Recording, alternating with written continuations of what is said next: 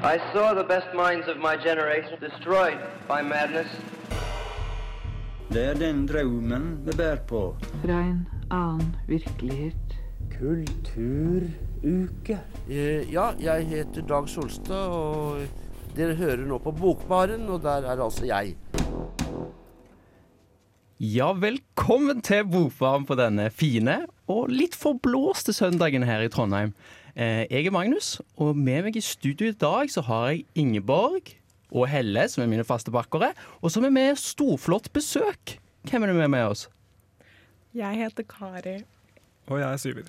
Kari og Syver. Og dere er skrivende journalister i Under dusken? Ja. Det stemmer. Yes. Og vi har henta inn disse her skrivende ekspertene for å snakke om vårens bøker denne søndagen. Så vi skal snakke om alt fra Den siste kumle av Arild Rossebø, til Krill av Asbjørn Stenmark, til Mathias Haven sin kjærlighetsinsomnia.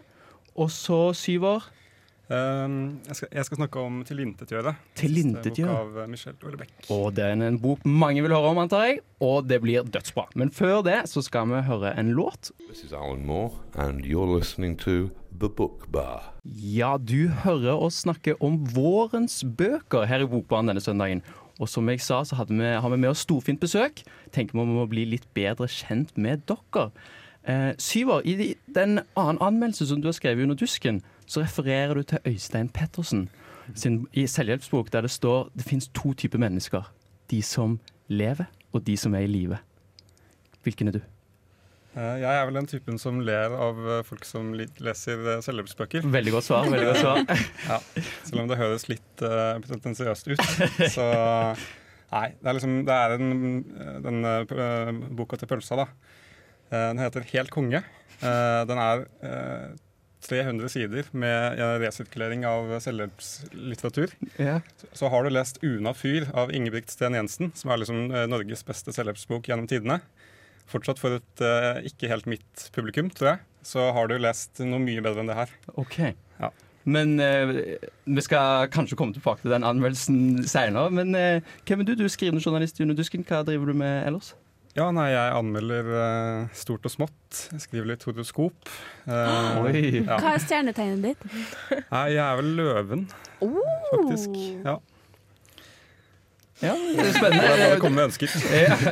Dere Jeg- hører ikke hva vi sier, men Helle hadde litt sånn der raised eyebrows på det. Nei da. Eh, Nei, jeg er veldig glad i løvefolk, så det Ah, ok. Nei, dere ser ikke hva vi sier. Ja, det ble rart formulert. ja. Men eh, OK, og du studerer litteratur, stemmer ikke det? Jeg studerte litteratur. Eh, Ja. Nå er jeg blitt løsing, men Oi, hjertet er vel fortsatt A-lytter. OK, ja, men det er godt å høre. Og vi har òg med en annen gjest i studio. Hei. Hei. Eh, kan du fortelle litt om deg sjøl? Eh, ja, jeg er kulturjournalist i Under dusken, Ja. og så tar jeg bachelorgrad i filosofi. Oi, spennende. Mhm. Ja, skriver bachelorgrad nå. Ok, det er en, Jeg skriver selv mastergrad. Jeg vet hvor tungt det kan være å sitte med oppgave i disse tider. Men spennende. Veldig glad for at dere ble med inn her og snakket om vårens bøker. Eh, skal vi ta en liten sånn runde i studio? Hvilke bøker er det folk har gleda seg til å lese denne våren? Ingeborg, jeg vet at du har en bok du har gleda deg litt til. Ja, altså jeg har jo gleda meg delvis til å lese den Eller den boka jeg har lest til i dag, var litt sånn tilfeldig. For jeg måtte bare finne noe nytt, og så tok jeg noe som så spennende ut. Eh, men en bok som jeg gleder meg til, som kom på fredag, eh, heter 'Fyrstene av Finntjern' av eh, Lars Elling, er vel navnet. Litt sånn gøy etternavn. Elling. Vi vet jo alle at jeg er veldig glad i Elling fra før. Men eh, ja. eh, Det er også en forfatter som har sin debut med denne romanen. Og første opplag kom som sagt på fredag, og det er allerede utsolgt. Så jeg Oi. tror det sier litt om eh, hvor godt boka har slått an. Og det er litt sånn oppvekstroman, Tom Sawyer, Huckleberry Finn-aktig stemning, som jeg er veldig glad i. Den er, jeg, jeg tenkte òg at jeg skulle lese den, så det, at begge oss to står og hadde lyst til å lese den boken, det var litt forståelig at den kanskje er utsolgt allerede. Men det, ja, det lover jo veldig godt. Helle, har du noen bøker du gleder deg til? Eh, ja, jeg går og venter litt på eh, en bok som heter I Kissed Sarah Wheeler av Casey McQuinston. Eh, den er jo ikke norsk eh, litteratur, men eh, jeg er veldig veldig glad i forfatteren. Eh, hun har kommet med to slagere de siste årene som falt virkelig i smak i mitt skeive hjerte. Eh, så nå gleder jeg meg veldig til å få lest denne nye boka da, når den kommer mot sommeren. Spennende. og hva med besøket vårt? Har dere noen bøker dere gleder dere til? Nei, foruten eh, selvhjelpsbøker så, så er jeg veldig fram mot eh, denne nye boka til Michel Houellebecq. da. Ja. Som eh, han har skrevet eh, rundt ti bøker i over 30 år. Og det her er hans siste.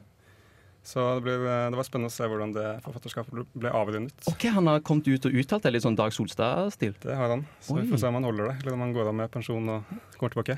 ja. Det blir også spennende å se ja, ikke sant, om han holder ordet sitt. Fordi jeg føler det er mange som har den 'dette er min siste', og så går det sånn ti år til. Så.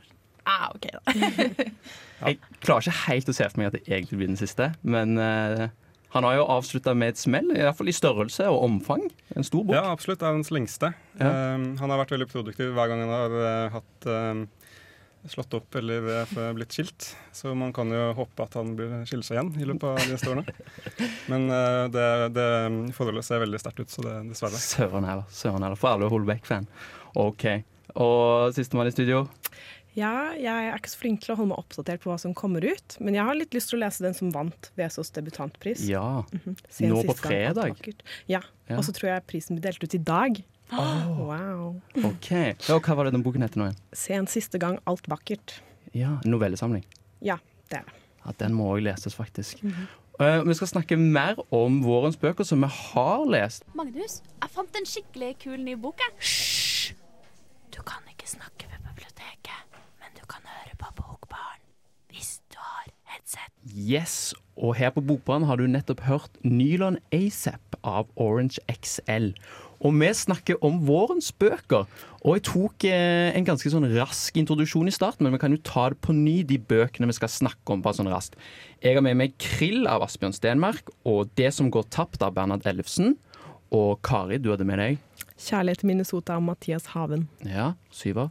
Jeg har med meg 'Tilintetgjøre' av Michelle Welbeck. Yes. Men aller først så skal vi høre om den boken Ingeborg har lest. Som Ja! Er... Den siste kumle av Arild Rossebø, som er eh, hans eh, debutroman.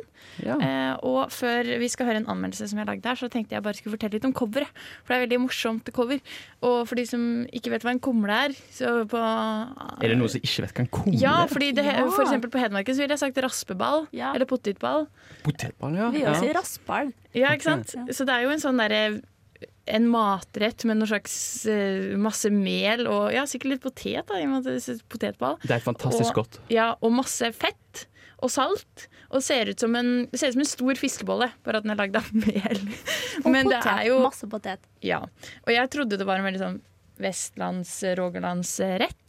Men tydeligvis er det jo trøndersk tilhørighet til retten her òg. Og ja, hedmarking. Så jeg tror bare egentlig det er en sånn En av 70-tallets, og kanskje tidligere, på en måte sånn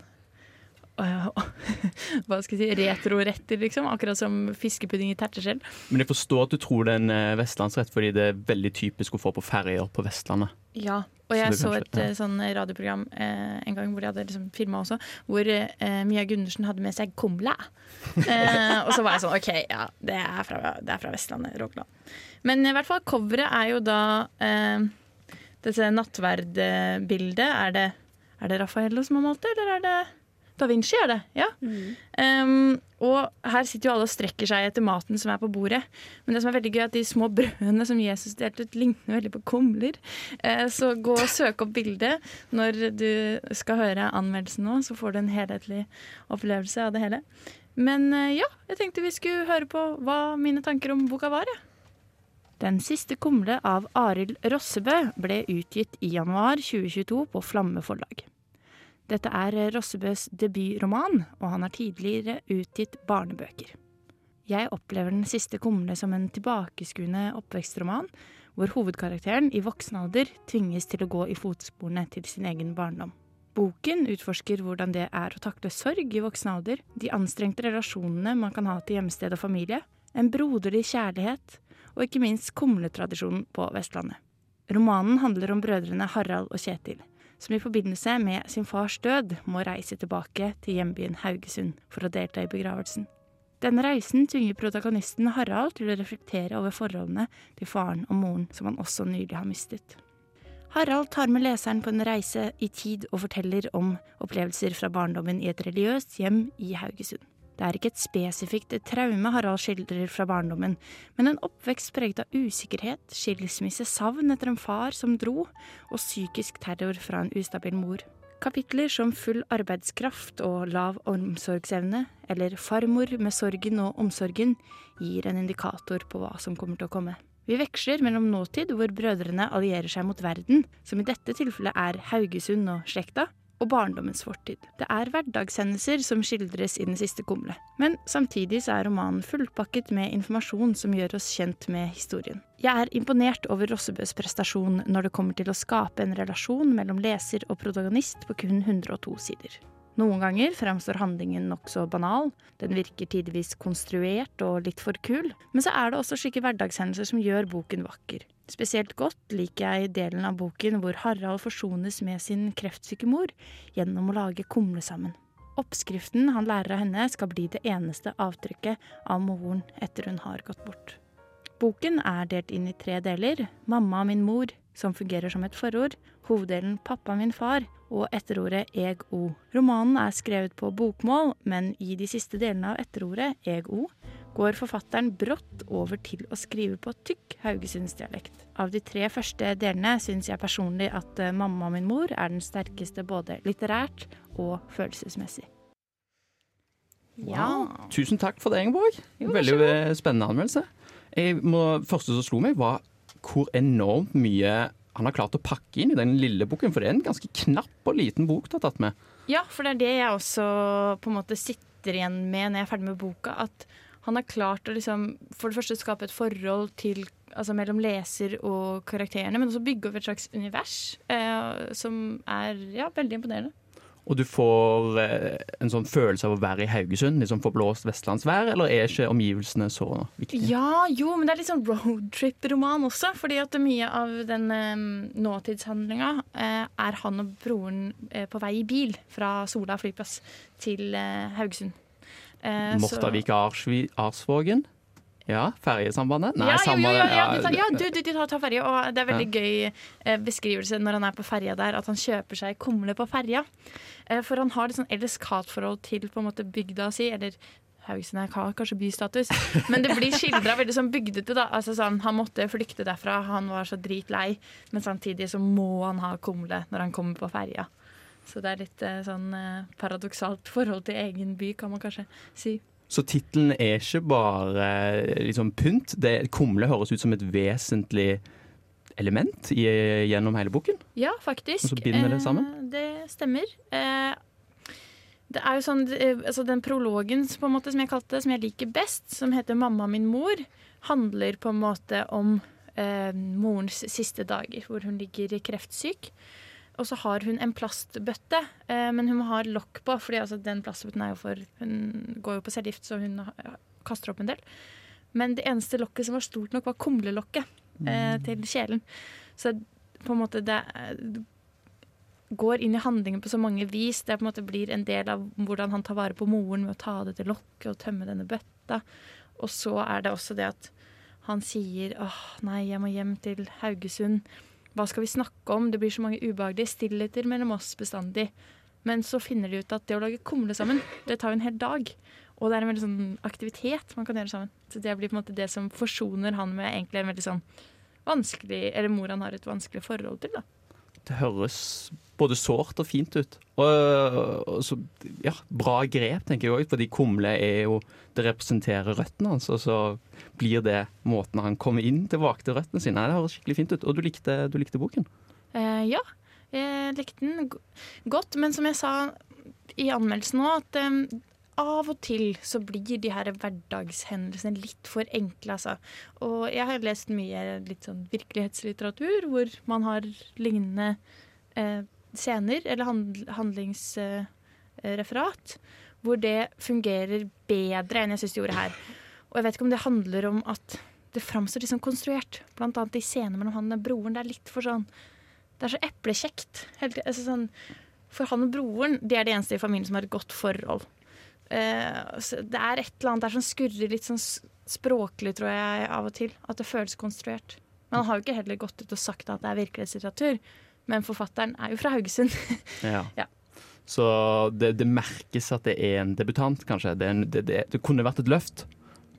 Ja, eh, det gjør, det gjør egentlig det. Eh, samtidig som jeg sa, så er det noen av disse her hverdagshendelsene som også gjør boka så sterk. Men jeg bare tror han kanskje i neste bok kommer til å eh, bli flinkere til å skildre de på riktig måte gjennom mer konsekvent gjennom hele boka.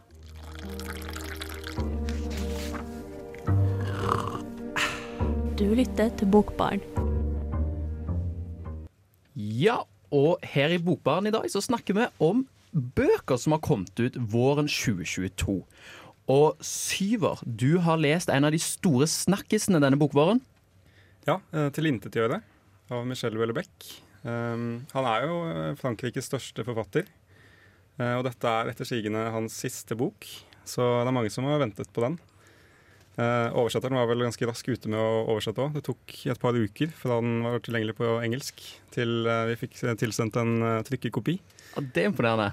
Og hvor lang er boken? Den er ganske mange hundre sider òg? 650 sider. 650 sider. Så det her, er, det her er hans lengste bok. Og det er nok mange anmeldere rundt omkring som har lest raskere enn de noensinne har gjort.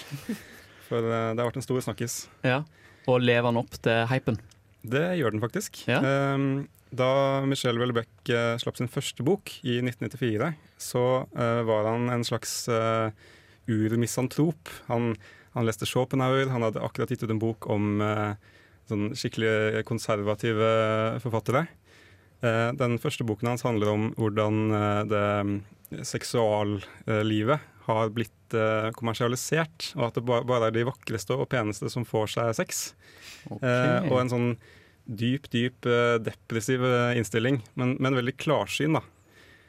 Men nå, litt, over, litt, under 30 år senere, så er han tilbake med en ny bok. Der han egentlig konkluderer med at kjærligheten er det som kan redde mennesket i vår tid. Oi, så han er blitt sentimental på sine Ja. eldre dager. eller? Ja. Så han har gått liksom en reise fra incel til mann. Omtrent. Det Jeg si. tenkte på det samme. Ja, men han starta veldig som incel, eh, og egentlig før incel-bevegelsen eh, var en ting. Så han traff en tidsånd, eh, noe han også har gjort senere. Han utga en bok eh, som var veldig islamkritisk, eh, samme dag som Bataclan-angrepene i Paris skjedde. Samme dag? Oi. Yes. Ja, det er jo helt Eh, og senere har han også skrevet bøker om eh, terrorangrep eh, i eh, Asia, og blitt kritisert for at det er så usannsynlig. Og så har det skjedd like etterpå, så han har en evne, evne til å treffe tiden han lever i. da. Du tror ikke han egentlig er sånn tidsreiser som uh, Ja, nei, kanskje. farter frem og tilbake og ut til liksom akkurat i tide til å være liksom skikkelig tidsaktuell? Man får bare anta at han er klassisk fransk forfatter som prøver å finne verden han lever i. Men uh, denne 'Tilintetgjøre' uh, den, uh, den er langt fra så depressiv. Uh, den handler om en ansatt i det franske økonomidepartementet. Han har et sånn kjedelig, trist, grått liv i et kjærlighetsløst ek ekteskap. Så på sett og vis så er, starter eh, romanen der Michelle startet for eh, 30 år siden. Um, men eh, også som i den kumleboka di, eh, Ingeborg, så um, er det eh, protagonistens død som setter handlingen i gang. For det som starter som en sånn politisk thriller før eh, det franske valget i 2028, det ender opp med, med å bli en slags eh, familiekrønike. For eh, når faren dør, så kommer eh, hele storfamilien eh, sammen for første gang på mange år. Og da utarter det seg til noe helt annet. da. Så man kan, man kan bruke mange merkelapper på romanen. Det er alt fra politisk thriller til krimroman. Den handler om heksereligion og fransk helsepolitikk. Eh, så den, den sparker i mange retninger. Det høres jo veldig spennende ut. Sparker den i for mange retninger, eller fungerer det? Eh, det fungerer. Han, Wellebeck har en eh, god evne til å skrive interessert om ulike temaer. Han setter seg veldig dypt inn i eh, hvert tema på en sånn klassisk fransk realismeforfattermåte. At eh, forfatteren skal liksom være veldig informert om alt. Det eneste han kunne utelatt, var kanskje en del drømmescener. Eh, For det der fins vel 20-30 kapitler som bare er en lang eh, drøm. Og det skjønner eh, Det er gøy i starten når man eh, leser, og så tar det helt eh, ville vendinger. Men etter den 15. drømmen så var det kanskje litt for mye av det gode. Men hva, hva tror du, Var det noen klar hensikt med det, eller var det bare Nei, Ja. eh, han er, eh, det var nok et litterært eksperiment i starten. Og så har eh, kanskje ikke forleggeren hans tur turt å stoppe ham. Men det er jo den siste boka hans, er det ikke? Det stemmer. Ja, Så da er liksom man presser presse masse han kan inn i den siste boka, ikke sant? Ja, det er godt mulig. Uh, for den tar en ny vending. Uh, Beck har vært uh, kjent for å skrive skarpt og misantropisk. Men uh, dette er faktisk den første boka man kan kalle vakker, på et vis. På grensen til sentimental. Um, og det er jo vanskelig å ikke lese denne boka sånn i lys av hans personlige liv. Han har jo eh, startet forfatterskapet som ensom eh, fransk ung forfatter. Eh, nå har han fått seg kone. Eh, en kone som attpåtil er 35 år yngre enn ham. Oi. Eh, og en student som har skrevet eh, mastergrad om bøkene hans. Oi, oi, oi. Ja, Så Så det er den klassiske tropen med sånn lærer-elev-forhold, da. ja, det er det. Skikkelig da, idol. Nå ser jeg som litteraturstudent at det er håp for oss alle. Oi, oi, oi. Men uh, ble, han er jo også kjent som en forfatter som er glad i å provosere litt. og sånt. Hva, hva skjer denne politiske delen nå? I valget i 2028? Har han, tror du han har truffet tidsånden der òg? Ja, Man skulle kanskje tro at han eh, ville egge publikum eh, opp med å eh, Med enda en roman om at det islamske partiet vinner valget, osv. Men den politiske delen er egentlig litt kjedelig. Sånn de, konservative vinner igjen. Det er liksom ting, ting går sin gang. Så det er mer et sånn han, har, beveget seg vekk fra de store politiske tankene og den ideen om at Europa er helt dødsdømt i forhold til eh, Østen og, og USA. Eh, så nå er det mer det Han ender opp med å bevege- seg inn i enkeltmenneskets liv, da. Men jeg lurer litt på den her kjærlighets... eh, måte optimismen. Eh, du nevnte jo innledningsvis at eh, ho- hovedpersonen vår er en litt sånn grå, trist fyr. Hvor kommer den inn? Eller møter han en slags sånn fem fatal, eller hva? Ja, han, han starter egentlig i et sånn kjærlighetsløst uh, forhold. Uh, kona hans er, uh, har ikke Eller de har ikke lig ligget sammen på ti år. Kona har blitt veldig opptatt av en sånn av som er en type heksereligion. En litt sånn sjamanistisk preg. And good for her! ja. Men det tar litt tid. eh, Og I starten så tenker man kanskje at han skal finne seg en annen på klassisk fransk vis, men de ender faktisk opp med å finne tilbake til hverandre igjen. eh, Også som en del av denne prosessen når faren hans dør. Så det skulle man heller ikke tro når det kommer til Holbeck. Okay, Og hvordan eh, liker du denne sammenlignet med de andre Holbeck-bøkene du har lest? Ja, hvis man skal uh, rangere dem, så er den, den vel kanskje hans beste bok siden uh, 'Kartet og terrenget', som kom i 2014, tror jeg. Um, der, um, den er på en måte ikke den, den er ikke hans skarpeste eller mest sinte bok på den måten man har pleid å like ham for. Men uh, som jeg også, også skriver, så er den hans vakreste. Um, slutten minner nesten mer om, om 'Verdens verste menneske', filmen som kom nå i, i høst. Eh, og det er liksom Det er mer eh, en mer personlig reise og en mer sånn eh, Det er mindre følelser. Så det her er en gamle manns verk som kanskje ser at han nærmer seg slutten selv. Ok, Spennende. Jeg får veldig lyst til å lese den. Jeg heter Anne B. Ragde og er forfatter. Og når man er forfatter, så hører man selvsagt på Bokbarn så ofte man har anledning. Ja, selvfølgelig gjør man på Bokbaren. Og spesielt når vi snakker om så mange forskjellige spennende bøker som vi gjør i dag. Og vi har nettopp snakket om Michelle Holbeck sin nye bok 'Tilintetgjør'. Og nå, Kari, skal du eh, snakke om en bok som eh, jeg aldri har hørt om. Verken forfatter eller bok, men det ser jo veldig spennende ut. Hva er det du har lest? Ja, jeg leste 'Kjærlighet i Minnesota' av Mathias Haven. Eh, fordi at den var nominert til Vesos debutantpris. Den tapte, men den var fortsatt veldig bra. Eh, ja, den eh, handler om eh, Det er tolv noveller, og de har veldig forskjellige eh, historier. Men det er liksom om karakterer som er alene og lengter etter noe. Eh, ja, og så er de alle satt i Minnesota, og det er hovedsakelig amerikanere dette handler om. Så det var ganske morsomt å lese om eh, amerikanere og USA på norsk, liksom. Jeg tror ikke jeg har gjort det før. Nei, Funka det? Ja, jeg syns det funka. Det var veldig gøy. Det var eh, morsomt, og så syns jeg det er litt, på en måte litt vågalt av han derre Haven å skrive om et sted han ikke har liksom bodd i. Jeg vet ikke om han har bodd der, da. Han er norsk-amerikaner. da. Ok. Ja, Norsk-amerikansk. så da deler litt av hans kulturarv, liksom. Ja. mhm. Men ok, så det, det, er ikke noen sånn tematiske fellestrekk? Eller du nevnte at det var lengsel. Lengsel, ja. Og så, ja, det var ganske sånn store temaer, hvis man kan si det. Um, sånn død og kjærlighet og sånne ting. Okay. Var det, Misfornøydhet. Ja, Okay. var, det, var det kvalitet over hele linja, det var det sprikende? Hvordan var Tolv noveller, det er en ganske knapp bok. eh, Imponerende at han har presset tolv noveller inn der. Mhm. Men eh, ja, hvordan var det? Var det Jeg syns det var ganske bra. Det var jo noen eh, noveller som var bedre enn andre. Eller sånn jeg likte bedre enn andre, men jeg syns alle de var gode, liksom. Jeg var litt redd for noveller generelt, for at jeg egentlig ikke har lest noe av det før. Um, ikke så mye, i hvert fall. Uh, men jeg syns han, var, han var, hadde gode liksom, metaforer som var helt greie å forstå, på en måte. Ja, Mhm. OK.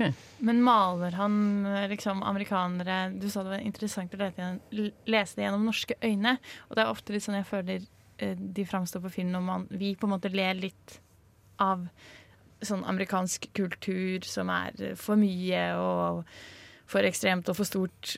Var det litt sånn komisk preg på det, eller var det mer sånn realistisk skildring av fa eh, en fattig by eh, eller fattig familie i Minnesota, eller Ja, det var, eh, det var en ting som jeg syntes var veldig morsomt. Det var, det var en amerikansk familie da, som hadde liksom besøkt et sted, og så, liksom, og så pratet de litt om sånn, sin norske arv og sånne ting. Og så hun, hun moren i fortellingen, som er, liksom, det er fra hennes synsvinkel, og det er veldig tydelig at hun er veldig misfornøyd med familien sin, egentlig. Eh, og hun skal liksom være litt frekk.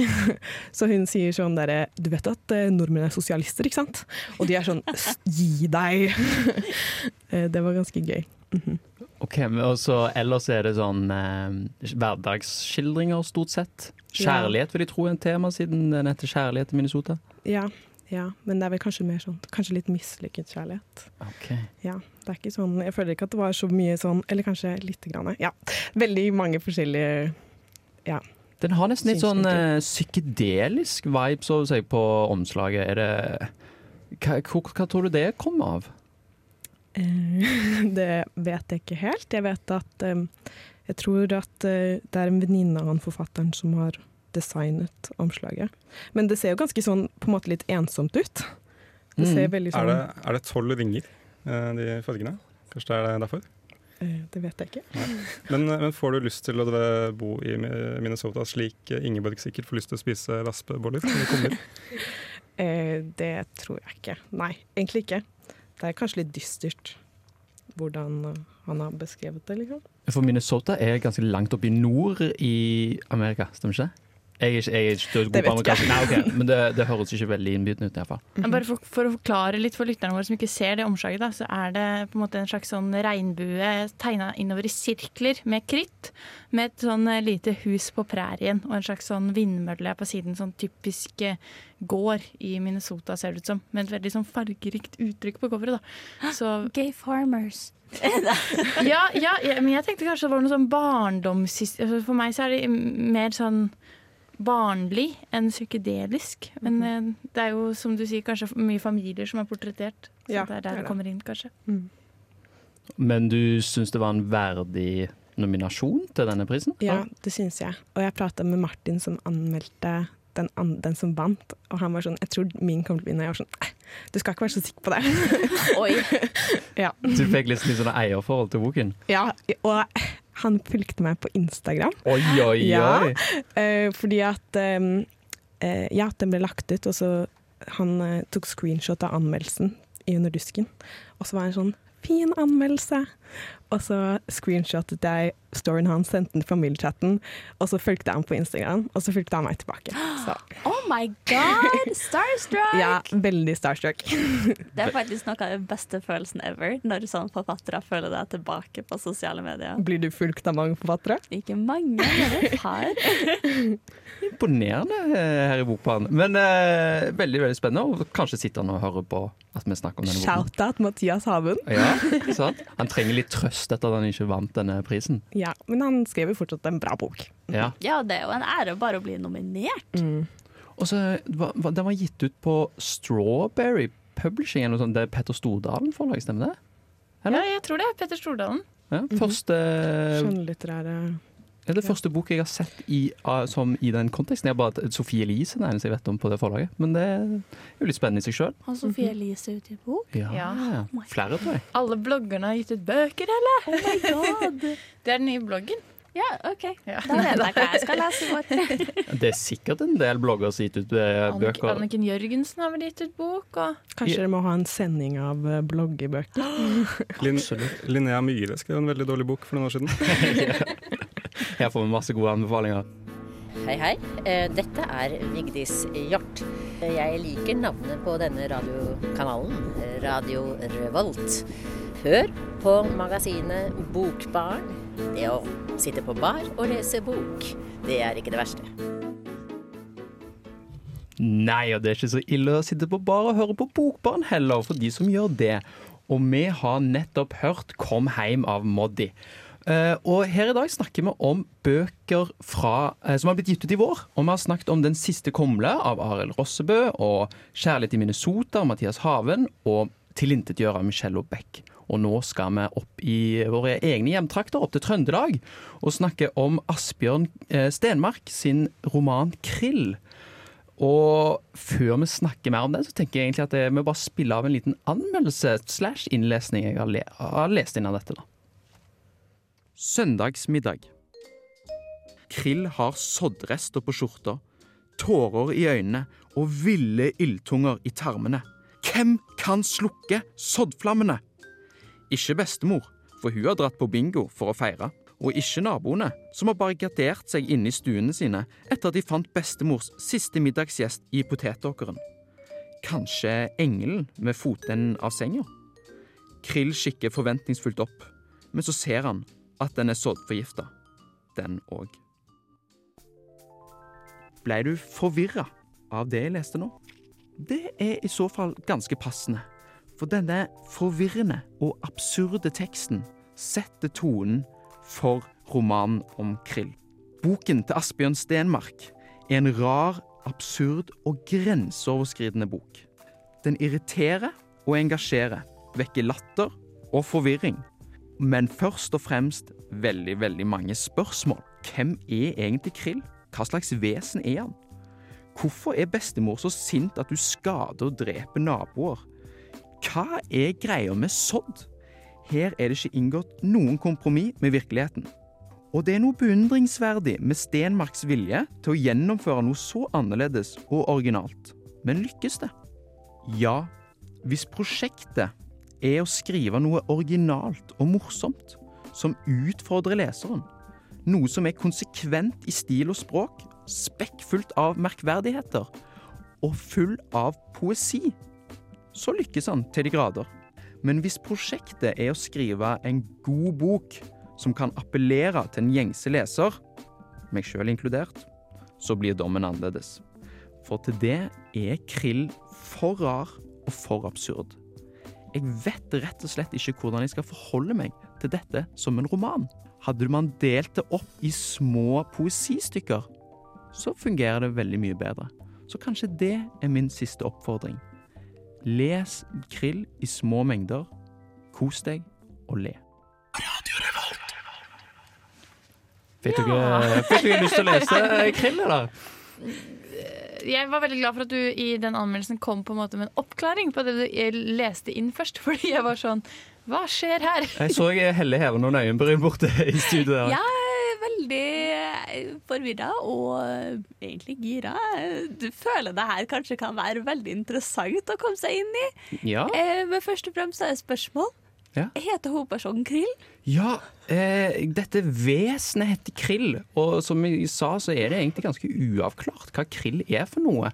Eh, fordi det, er en slags menneskeaktig skapning. På, på, på et tidspunkt så på, pakker han seg inn i håret sitt og bare forsvinner ned i soddbøtta. Eh, så det er surrealistisk, da, så det er veldig vanskelig å gripe hva krill er. Og det gjør leseopplevelsen ja, litt vanskelig, rett og slett. Ja, fordi krill er vel en sånn altså, krill i den virkelige verden, på en måte, er Ja. vel en slags sånn kreps eller reke. Ja. Så jeg tenkte først at det var om en krillefamilie. Jeg òg- trodde det, men det er ikke det. Det er rett og slett om denne her ja, uavklarte vesenet som bor med bestemoren sin. Og lever et ganske brutalt og sørgelig liv på mange måter. Han, eh, allerede i første fortelling så er han en liten baby, og bestemoren kaster en sko på han, og han sitter der og gnager på denne skoen som en trøst. Eh, og blir mobba på skolen, og så har han det ganske fælt. Og så på et tidspunkt så eh, skal han åpne en pølsebod. Eh, men han selger ikke pølser, han selger poesi. Eh, så de selger bare poesi i lompe i denne her pølseboden.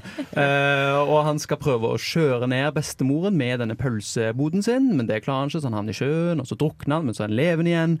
Og så er han oppe i himmelen, og så ja, det, er- det er veldig vanskelig å gripe hva som skjer i denne romanen, som dere kanskje forstår. det er noen av de tingene her som høres veldig morsomt ut, og vi begynner jo å le i studio her, men er det morsomt, eller blir det for absurd, på en måte? Ja, det er, det, det er morsomt eh, i små doser. Så det er egentlig det at det er en roman, og det å sette seg ned og lese veldig mange av disse her For det er sånne små stykker, da. Eh, ingen av fortellingene eller kapitlene har egentlig noe med hverandre å gjøre. Det er bare sånne bruddstykker, eh, bilder nesten, eh, fra Krill, situasjoner han er i. Og hver enkelt av de funker ganske bra, men det blir veldig sånn overveldende og vanskelig å forholde seg til når man leser det som en helhet. Ja. Ja. Tror du det kan være litt sånn natta-historier for ungen, liksom? Ja, Det kunne vært et spennende prosjekt. Bare lest en, hatt over nattbordet og lest en hver eh, kveld før man sovner. Tror jeg hadde vært en god avslutning på dagen. Nå går det fem år, og så er ungen sånn, kommer hjem fra skolen gråtende og sånn eh, Vi havna i en skikkelig krangel i dag med hva en krill er for noe. Ja. Eh, Ja, du, du, du kan godt teste det. eh, Helle. Det var, det var vært beundringsverdig. Uh, men eh, jeg vet ikke om eh, jeg ville lest det til ungen min heller, fordi den er ganske, ja, som jeg sa, brutal og, og fæl. Altså. Har du noen gang lest en Roald Dahl-bok? Ja, det er et godt poeng, faktisk. Mm, Det er, det er litt hyggeligere enn krill. Men den, den har jo en sånn eh, lettbeint humor sammen med dette alvoret. Eh, Så det blir en sånn merkelig sammensurium. Og så kan jeg jo holde opp til dere her i studio og prøve å forklare dere hjemme òg hvordan innholdsfortellelsen ser ut. For som jeg sa, så er det masse sånne små kapitler. Og 120 totalt, og boken er bare på litt over 100 sider. Eh, så, og det er en, en givende prosess i seg sjøl å åpne opp på innholdsfortegnelsen, og så bare lese det. Kan jeg bare begynne. Eh, da er det sånn Symbiosen, En bror i putten, Karusellkapitlet, Handletur, Uttak og uttak. Harry Houdini versus norsk skogkatt. Så det, du merker det er en sånn kreativ skaperkraft. Det er veldig kreativt og originalt. Eh, så det, det, det liker jeg. Jeg syns nesten det framstår altså Når du holder opp innholdsfortegnelsen eh, Det er kanskje lettere å se det for seg òg, men og når du leser, så føler jeg å litt sånn novellesamling-preg av det.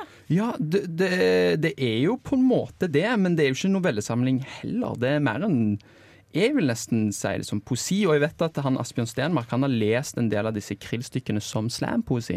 Eh, og at det har jeg hørt fungerte veldig bra, og var veldig morsomt.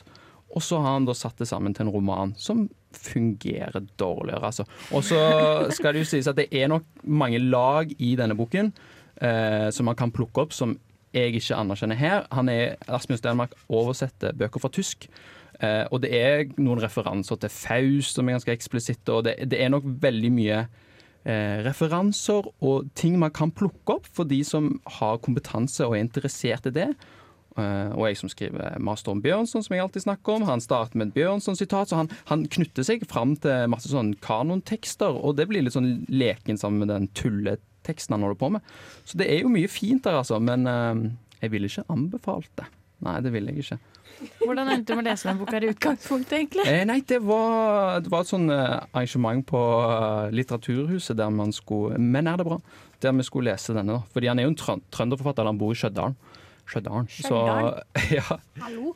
ja, sant. Eh, så det var sånn jeg endte opp med å lese den. Jeg hadde aldri hørt om Asbjørn Stenmark. Er det noen av dere som har hørt om Nei, Nei. nei ikke egentlig. Nei. Men uh, ja, det er en bok som kan være fint å lese i små doser, som sagt. Jeg tror vi runder av der, jeg. Hei, det er Junidar. Les Ibsen, og lytt på Bokbaren. Krill liker ikke skolepsykologen. Likevel, likevel går han dit så ofte han kan og hulker i strie strømmer, for han synes de hvite Kleenex-serviettene er så myke og deilige. Dette var Krills psykologikapitlet i boken Krill, som jeg nettopp har snakka om. Eh, som er av Asbjørn Stenmark. En av bøkene som er gitt ut i vår. Som jeg, som dere hørte, er ganske morsom. Eh, ja, litt sånn, eh, denne var ikke så poetisk, men små poesidrypp. Jeg synes det var litt sånn spot on satirisk psykolog-værelsesstemning. Ja, er sånn, enkelte psykologer investerer i sånn Kleenex med balsam i, sånn at du ikke får snytesår. Oi! Mm. Spennende, det visste jeg ikke. Eh, veldig, veldig bra. Eh, og det var da Krill. Den skal vi ikke snakke om mer nå. Den siste boken vi skal snakke om, er en annen bok jeg har lest, som jeg vil anbefale langt sterkere. Eh, langt mer. Og det er Bernhard Ellefsen sin 'Det som går tapt'. Som er en sakprosabok om naturen som forsvinner, og litteraturen som forteller om den. Eh, en enormt engasjerende og bra eh, sakprosabok, det må jeg si. altså. Eh, jeg viste det opp til de her i studio, men eh, når jeg syns noe spennende i en bok, sikkert mange andre som gjør det òg, så tar jeg et litt sånn eseløre, og så skriver jeg kanskje litt i margen. Og um, denne her boken er nesten bare eselører, for det er så mye, det er så mye spennende. Uh, og det Bernhard Elvsen gjør, er rett og slett å gå gjennom bøker som kanskje er litt glemt. Uh, han snakker om uh, dere, Husker dere den TV-serien 'Det lille huset på prærien'? Har dere Ja. fått den? Ja. Jeg husker tittelen, men ja. ja. Nei, ja, det ikke, så- jeg har bare sett det på bitte litt, jeg òg. Men det er tydeligvis basert på en bok fra um, Hva er det forfatteren heter, da? Ja, Nå er jeg litt usikker. Men i alle fall en eh, litt sånn glemt forfatter. Og Mikkel Fønhus. Har dere noe forhold til han? Hvem? Nei, det var òg en kjent forfatter i mellomkrigstiden i Norge. Uh, og så skrev han om Fridtjof Nansen og Lars Monsen. Yes. Ja, Lars Monsen og Kerstin Ekman. Og ja, så han, han sier at sjanger betyr ikke noe, og um, sjanger, eller egentlig hvem som har skrevet det, så lenge han kan få et nytt blikk på naturen og en ny måte å snakke på naturen om gjennom å lese de bøkene. Så han gir på en måte et slags lite portrett av alle disse menneskene? Ja, nå, nå forklarte jeg det litt dårlig, men det er jo egentlig essays, da. Eh, han skriver et essay ut av disse bøkene. Så bok, denne boken består av jeg tror det er syv eller åtte essays. Eh, og så blir eh, disse forfatterne som jeg snakket om, de blir bare et utgangspunkt til at han knytter inn masse eh, naturvitenskap og historie, og rett og slett reflekterer rundt eh, vårt forhold til naturen, og hvordan språket vårt preger vårt forhold til naturen. Og dette her skillet mellom natur og kultur. Eh, det går som en sånn rød tråd gjennom hele boken òg. Eh, hvordan ulike forfattere behandler dette og, og ser det fra ulike sider. Og så det, ligger dette her paradokset på mange måter, selvmotsigende paradokset i, i bånn. At vi må prøve å omdefinere måten vi snakker på naturen på. Men det er nesten umulig, sant? fordi hele det som gjør vårt forhold til naturen litt ødelagt, er at språket er utilstrekkelig. Vi klarer ikke å egentlig ta inn over oss eh, naturen gjennom språket. Eh, jeg hører at det blir kanskje litt vanskelig det jeg sier nå, men det er bare én setning da, som jeg syns var veldig fin, som oppsummerer mye av det i boken òg. Han sier 'natur opphører i natur'. Å, ja, henge, la den henge litt. Jeg, eh, jeg syns det var en veldig finurlig setning, for det er så sant. sant? Naturen er bare en sånn uoverskuelig sammenheng av masse forskjellige ting. Mens vi kommer her med språket vårt og må kategorisere og sette ting i boks og skape system.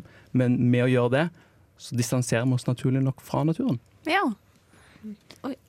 Men blir da liksom svaret å lage masse ord for naturen? Ja, er det eh, tusen ord for snø, typ? Eller hvordan uh... Ja, det, det kunne vært et svar. Jeg tror det Bernhard Ellefsen ser etter, er folk som eh, ikke nødvendigvis skaper uendelig mange ord, men en, ja, rike ord. Det blir vagt å si det, da, men nye måter å betrakte naturen på. Nye ord for å beskrive naturen. Ta kontakt med Språkrådet og avtale noe nye der, kanskje. Jo, det, det, det, det, kunne vært.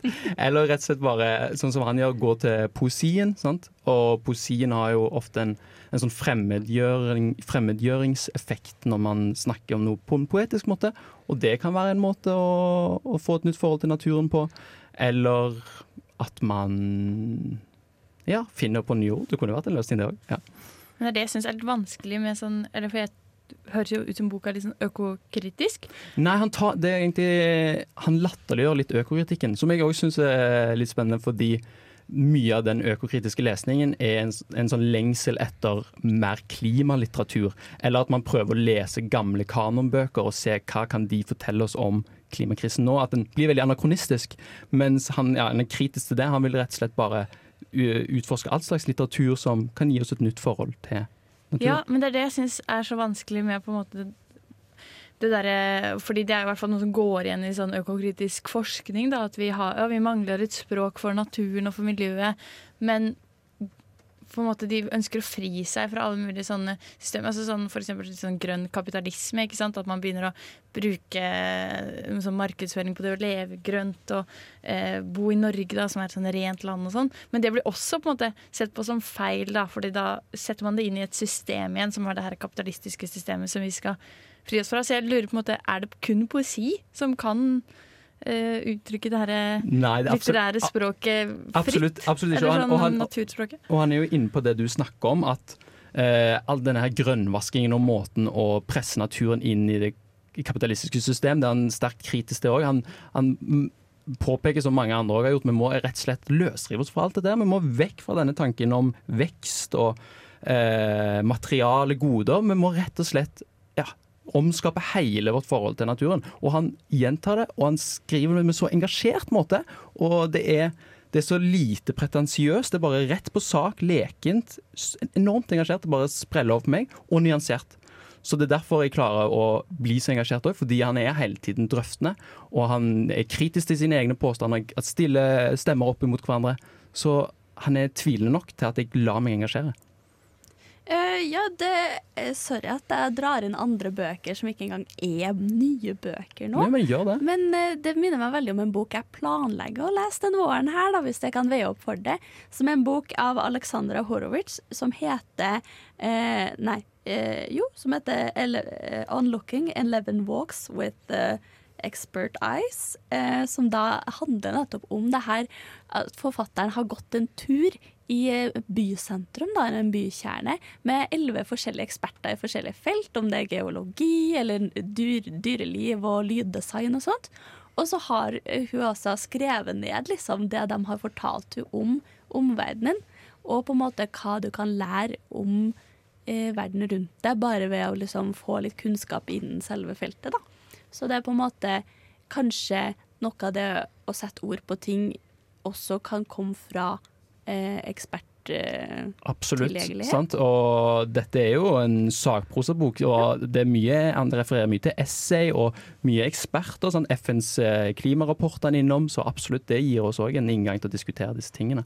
Jeg har et kort spørsmål. Er det håp, ifølge Ellefsen? Oh, er må, det er et veldig bra spørsmål, for vi må komme innom det. Åpen. Fordi, sant, håp, han skiller, går, bryter ned håp og optimisme. Det kan høres ut som samme ting, vi må være optimistiske og håpefulle. Men han sier nei. Optimisme er en sånn banal og ja, blåøyd og naiv tanke, mens håp, der ligger det noe at man må begrunne det i noe. Eh, Så, og han mener ja, det ligger håp, det ligger håp, og håpet ligger i litteraturen. Og det syns jeg òg er veldig flott. Han hele tiden mener litteraturen har en kraft. Den kan være en måte at vi får til dette. Og det syns jeg er veldig inspirerende å lese. Bla om til neste side når du hører denne lyden. Eller skru på radioen din og sett på Bokbarn, da. God lytt. Yes, og her i Bokbaren har du nettopp hørt No Man av Finding Neo. Og vi snakker om bøker som er blitt gitt ut i vår, og vi har snakka om masse forskjellig, vil jeg si. Eh, vi har snakka om kjærlighet i Minnesota, og kumler, og krill, og franske misantroper, og ja, litt av hvert. Men eh, så er spørsmålet, er det noen fellestrekk her? Føler dere det er en ting som går igjen? Norsk eh, folkemat, kanskje? Norsk sånn. Ja, Sånn, ja. ja sånn, Det er sant, det. Norske forfattere òg er det jo mye av. Vi har jo bare én eh, ikke-norsk forfatter Det er sant. Vi kunne vært bedre representert utenfor Norges grenser. Eh, jeg tenker kanskje mer sånn i denne bokvåren. Har har dere tenkt på eller plukket opp noen sånn tendenser som går igjen? Jeg syns at uh, familiekjerne og på en måte forhold, individets forhold til familie har gått igjen i de fleste bøkene her, altså. Ja. Og det føler jeg er liksom videreføring av den her tradisjonen som har vart noen år nå, med på en måte litt sånn virkelighetslitteratur, og også en del uh, litteratur som gir seg ut for å være fiksjonell, men som har et sånn virkelighetsbasert utgangspunkt. Det var jo en av de, sto, en av de tingene som sto om den eh, fyrstene på Finntjern, som jeg hadde gleda meg til også. At dette er en krysning mellom virkelighet, rent oppspinn og bare tull, eller noe sånt. Eh, men for det første satt i en historisk kontekst, men også kanskje at forfatteren har skrevet inn litt av sitt eget liv. Ok, Men samtidig rent oppspinn og litt sånn med krill og totalt fra, eh, fra løst fra virkeligheten. Kanskje det er en slags reaksjon på virkelighetslitteraturen òg? Ja. Ser tendenser til? Samtidig så føler jeg som sånn, den siste kumle er jo veldig nært opp imot det, egentlig. Ja. Men eh, ja. Og det var jo litt det samme i Holbæk med boken òg. Litt, eller?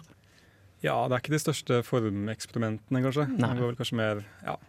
Blir nesten litt eh, knausgårdsk eh, på slutten der, faktisk. Ok, spennende. Men eh, dere som er, skriver i kultur, dere har jo hatt en sånn reportasje, eller iallfall et prosjekt om å lese alle eh, Tarjei Vesaas debutantprisbøkene. Har dere merka noen tendenser der, eller noe som går igjen i flere av bøkene? Jeg tror vi bare anmeldte tre av dem. Å søren, her eh, blottlegger dere på radio. Ja. Det er mye novellesamlinger, har jeg fått Ja. inntrykk av. I hvert fall de to vi an To av dem var eh, novellesamlinger, og det var to av de tre vi anmeldte. Det er jo litt spennende i seg sjøl, fordi novellesamling eh, føler jeg eh, mange forlag kan være litt sånn reservert mot, fordi man selger ikke like godt som romaner. Ja, så det jeg jeg kan ikke huske at det har vært så veldig til stede i samtidslitteraturen de tidligere årene. Nei. Kanskje litt Olga imponert. Tokarczuk. Ja. Sant. Jeg er kanskje litt imponert over at eh, Strawberry Publishing har gitt ut en novellesamling. En debutbok. Og ikke bare selvhjelps- og bloggerbøker. Skikkelig kjendisbøker. ja. Ja, det er jo Du hadde jo en annen anmeldelse enn Holbeck. Du hadde jo denne pølsa. Eh, kjendisboken, hvis man kan kalle det. Eh, det er vel noe som kommer mer og mer, og har har kommet ganske mye av i, i vår. Men eh, jeg vet ikke om du har noe å tilføye på det? Ja, det er vel et naturlig neste steg når man, har, når man har vært med på to ganger 'Mesternes mester'. Så får man litt uh, profitt eh, ved å skrive en bok Ja. i samme slengen. Er det noe du vil anbefale å lese videre? Du var jo ikke akkurat veldig den begeistra i begynnelsen. Uh, Helt konge var veldig morsom. Ja. Uh, ufrivillig morsom på alle måter. okay. uh, det var med mye sitater av eh, diverse store tenkere. Gandhi, Einstein. Var det sitert Oi. riktig? Ja, det, så vidt jeg vet, så var det riktig. Men uh, det blir ikke liksom riktig uansett å sitere Gandhi i en uh, bok om en uh, norsk skiløper som driver og snakker om hvordan han kan løse alles problemer. Ambisiøst, altså. Ja. ja. Men kanskje på en måte tendensen for våren er litt sånn at litteraturen er i oppsving på alle måter. Altså både at flere og flere av disse folka som kanskje er kjent fra et TV-program eller er kjendis på en eller annen reality-måte, har begynt å gi ut bøker. Men også at, som det viser seg da, når en bok som gis på, ut på oktober, som ja, det er et stort forlag, men det er ikke Aschehoug eller Gyldendal, av en debutforfatter blir utsolgt på eh, en helg, så viser det kanskje at folk eh, har eh, på en måte Litteraturen har et oppsving i den sammenhengen òg, at folk kjøper mer bøker og leser mer bøker. Så det må vi se på som en positiv ting. Det må vi applaudere her i Bokvarnstudio Og, og jeg skal ikke si det 100% sikker, men jeg gikk faktisk inn og sjekka litt sånn boksalgtall, og jeg tror det har steget, som du sier. Det har blitt en større interesse. De fleste forlaget har merka en enorm økning, og det, det er jo veldig, veldig flott. Det er veldig rart det, når folk har sittet innelåst så lenge, liksom. At de kanskje har fått litt leselyst. Ja, En positiv ting med koronapandemien har vært økt leselyst. Det er mulig. Og det du sier, Ingeborg, at bloggere og kjendiser har lyst til å eh, skrive ut en bok. Det føler jeg, Kanskje boken blir en slags sånn reaksjon på det flyktige mediebildet vi befinner oss i. At det blir noe sånn konkret som står igjen, og ikke bare noe som forsvinner ut. Ja, absolutt. Eh, og altså, det her eh, er jo en eh, sending som handler om vårens bøker, men det kommer jo i hvert fall mye norske store bøker ut i høst. Og den her 'Kjærlighet i Minnesota' var kanskje en bok som kom i høst, eller? Ja, i forrige høst, ja. Ja, ikke sant? Eh, så det blir jo også en del av på en måte det vi kan se i bokvåren i sommer. Pluss at uh, jeg skal jo lese, i hvert fall til sommeren, bare lese dritgamle bøker som jeg har hatt på lista mi for alltid og tenkt sånn hm, den burde jeg kommet meg gjennom. Ja, klassiker etter klassiker. Så, men det blir jo en ny opplevelse, det òg, på en måte. Ja, absolutt. Eh, vi skal snakke mer om uh, bøker i, som er blitt gitt ut i vår. Det Hyl, og jeg hører kun på Radio Revolt. God stil! ekstra god stil her på Bokbaren. Veldig kul jingle der. Og uh, her i dag så snakker vi om uh, Bokvåren. Og Bokvåren er jo mer enn bare bøker. Det skjer jo ting i litteraturens verden generelt. Kari, du har blant annet vært nede og snakka med Jostein Gaarde på Litteraturhuset, har du ikke det? Ja, eller eh, dagen etter han var på Litteraturhuset, Dagen etter, ja. så besøkte jeg han på hotellet. Åh, stas. Ja. Men det var en tannlegemesse der, så vi måtte dra til en kafé. De hadde ingen ledige møterom. Nei. Ja. Men hyggelig å gå på kafé med Jostein Gaarde. Ja, det var hyggelig. Det var dritskummelt, for jeg har aldri hatt sånn portrettintervju før. Men uh, han er en hyggelig kar. Ja, det høres jo veldig hyggelig ut, fordi mange av disse forfatterne kan jo være litt vanskelig å få tak i. Noen liksom, kanskje noen er manager og alt sånt, men han er jo en stor norsk eh, forfatter. Liksom. Så, Mm. så gøy at han bare Ja, nei, men det skal jeg stille opp på. Vil du ha en berlinerbolle? ja, han kjøpte meg kaffe. Så shout-out. Og du studerer jo filosofi, så dere hadde sikkert en del filosofi å snakke om. Og... Ja, ja. Jeg stilte han et par spørsmål. Jeg var, eh, ja, det, om eh, filosofi. og Ja, ting du jeg er skal interessert i. sitere han i bacheloroppgaven? Ja, det var det Syver foreslo nå da vi hadde pause, om flyskam, for det skriver om skam. Og han har jo noe å si om det. Ja. Ja, han kan sikkert bare lese gjennom oppgaven din før du leverer. Så blir det Ja, jeg har jo e-mailen hans, så Ja, men altså, han følger deg ikke på Instagram ennå, liksom. så det er året vårt. kanskje jeg burde oppfordret han til det. Ja. Tror du han har Instagram? Eh, eh, nei, det tror jeg ikke. Eh, Få han til å lage en for å følge deg. Jeg kan sende Kari fanpage bak.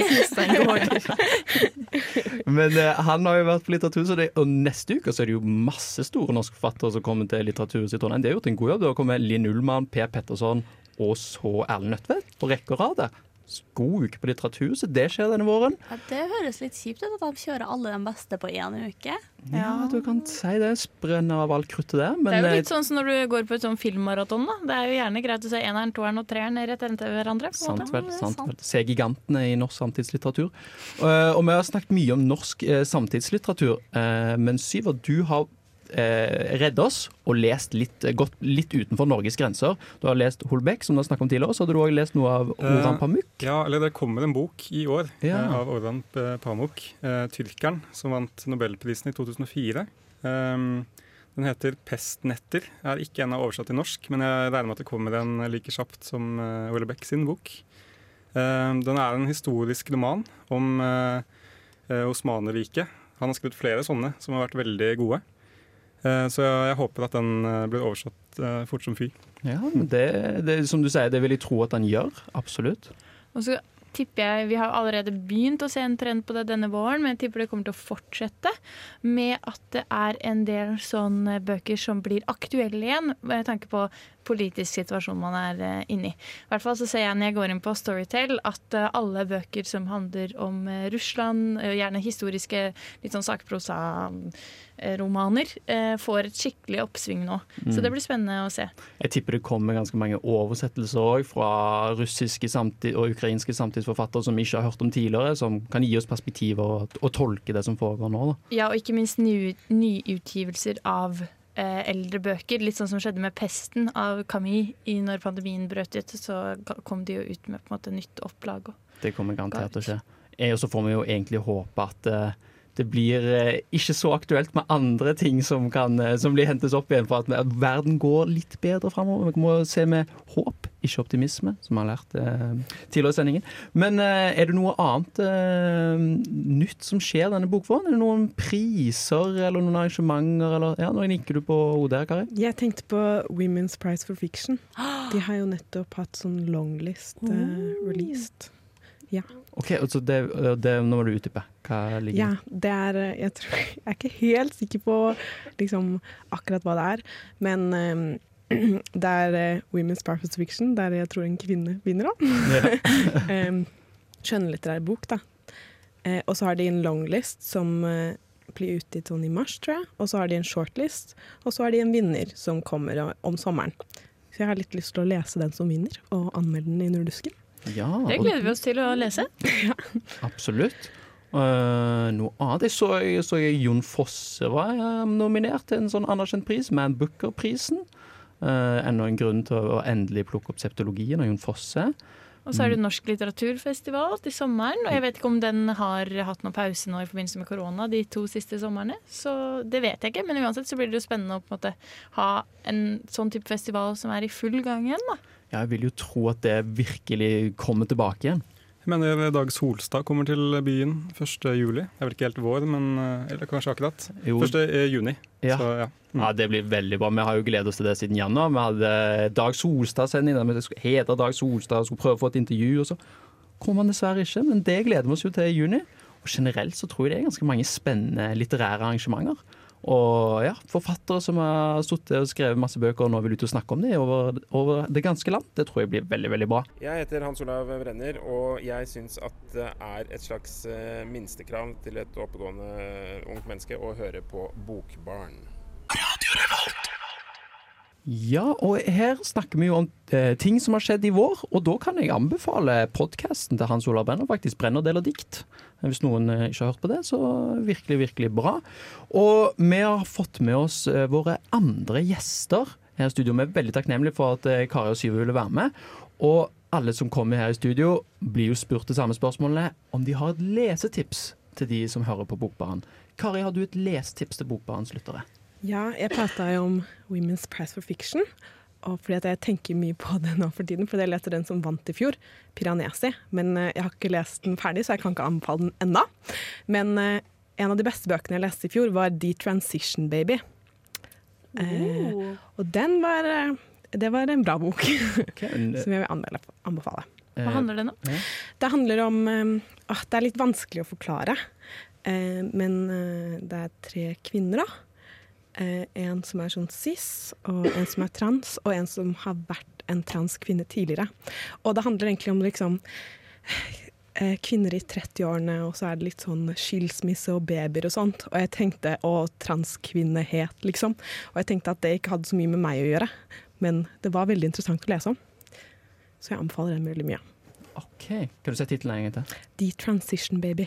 The Transition Baby. Spennende. Syva, har du et uh, lesetips til bokbanen, lytter? Jeg kan jo komme med noe fra den, andre siden av det politiske spekteret, kanskje. Eh, siden jeg snakket om Ole Beck her i dag. Eh, det er sikkert mange som eh, har hørt om Ole Beck og ikke helt hvor man, vet hvor, øh, hvor man skal starte. Eh, og da vil jeg anbefale enten én av to bøker. Den første er 'Underkastelse', som er hans mest eh, politisk eh, eksplosive bok. Det handler om at et eh, islamsk parti tar, eh, tar, tar makta i Frankrike. Eh, og det er ikke en sånn uh, skrekkdystopi, langt ifra. Det her er, uh, alt blir egentlig bedre. Den andre er 'Kartet og terrenget' fra 2014, som kanskje er hans beste bok, sånn allround-messig. Ok, Og den, hva handler den om, da? Den handler om en kunstner i Paris, og som i mange av uh, Willy Becks bøker, så dør etter hvert faren. Mm. Og så blir det både litt krim og litt ja, mye. Uten å avsløre noe, så, så er det et bra sted å starte. Ok, Det høres ut som han er en enormt sjangeroverskridende forfatter. At han eh, leker med veldig mange ulike sjangere i bøkene sine. Ja, det stemmer. Det er alt fra dikt eh, til eh, filosofiske avhandlinger til små noveller mellom to dyr. Så han er ganske eksperimenterende, særlig i sine tidligere bøker. Spennende. Jeg, skal, jeg har, vel, jeg har hatt lyst til å lese Holbæk lenge, så det tipset skal jeg ta til meg. Og så må jeg jo spørre, siden dere skriver under dusken, er det noen eh, anmeldelser som kommer i nærmeste framtid som eh, lytterne kan prøve å få med seg? Nei, det er strengt uh, konfidensielt. Eh, bare les dusken. Ja, bare les dusken, egentlig, det gode tipset. Eh, og vi, jeg håper dere har kost dere med å hørt at vi har snakket om de nye bøkene som kom til vår. Jeg kan jo ta en siste liten gjennomgang. Det var Den siste kumla av Arild Rossebø. Mathias Haven sin 'Kjærlighet til Minnesota'. 'Krill' av Asbjørn Stenmark. 'Tilintetgjør' av Michelle Olbeck. Og 'Det som går tapt' av Bernhard Ellefsen. Uh, av de bøkene vi har snakket om her, så får jeg egentlig lyst til å lese alle. Vet ikke hva du tenker, Ingeborg? Ehm, altså, jeg får litt sånn Både sånn elsk-hat-forhold til den Krill-boka. Jeg får lyst til å lese den, ikke lese den. Men eh, jeg tror jeg må sette av sommeren til å lese Webecks nye bok. Absolutt. Og igjen, tusen takk Syver og Kari for at dere ble med oss her i studio. Og tusen takk til Marte, som har vært teknikeren vår i dag. Gjort en fantastisk jobb som alltid. Håper dere får en fin søndagskveld. Du har lyttet til en podkast på Radio Revolt, studentradioen i Trondheim. Sjekk ut flere programmer på radiorevolt.no.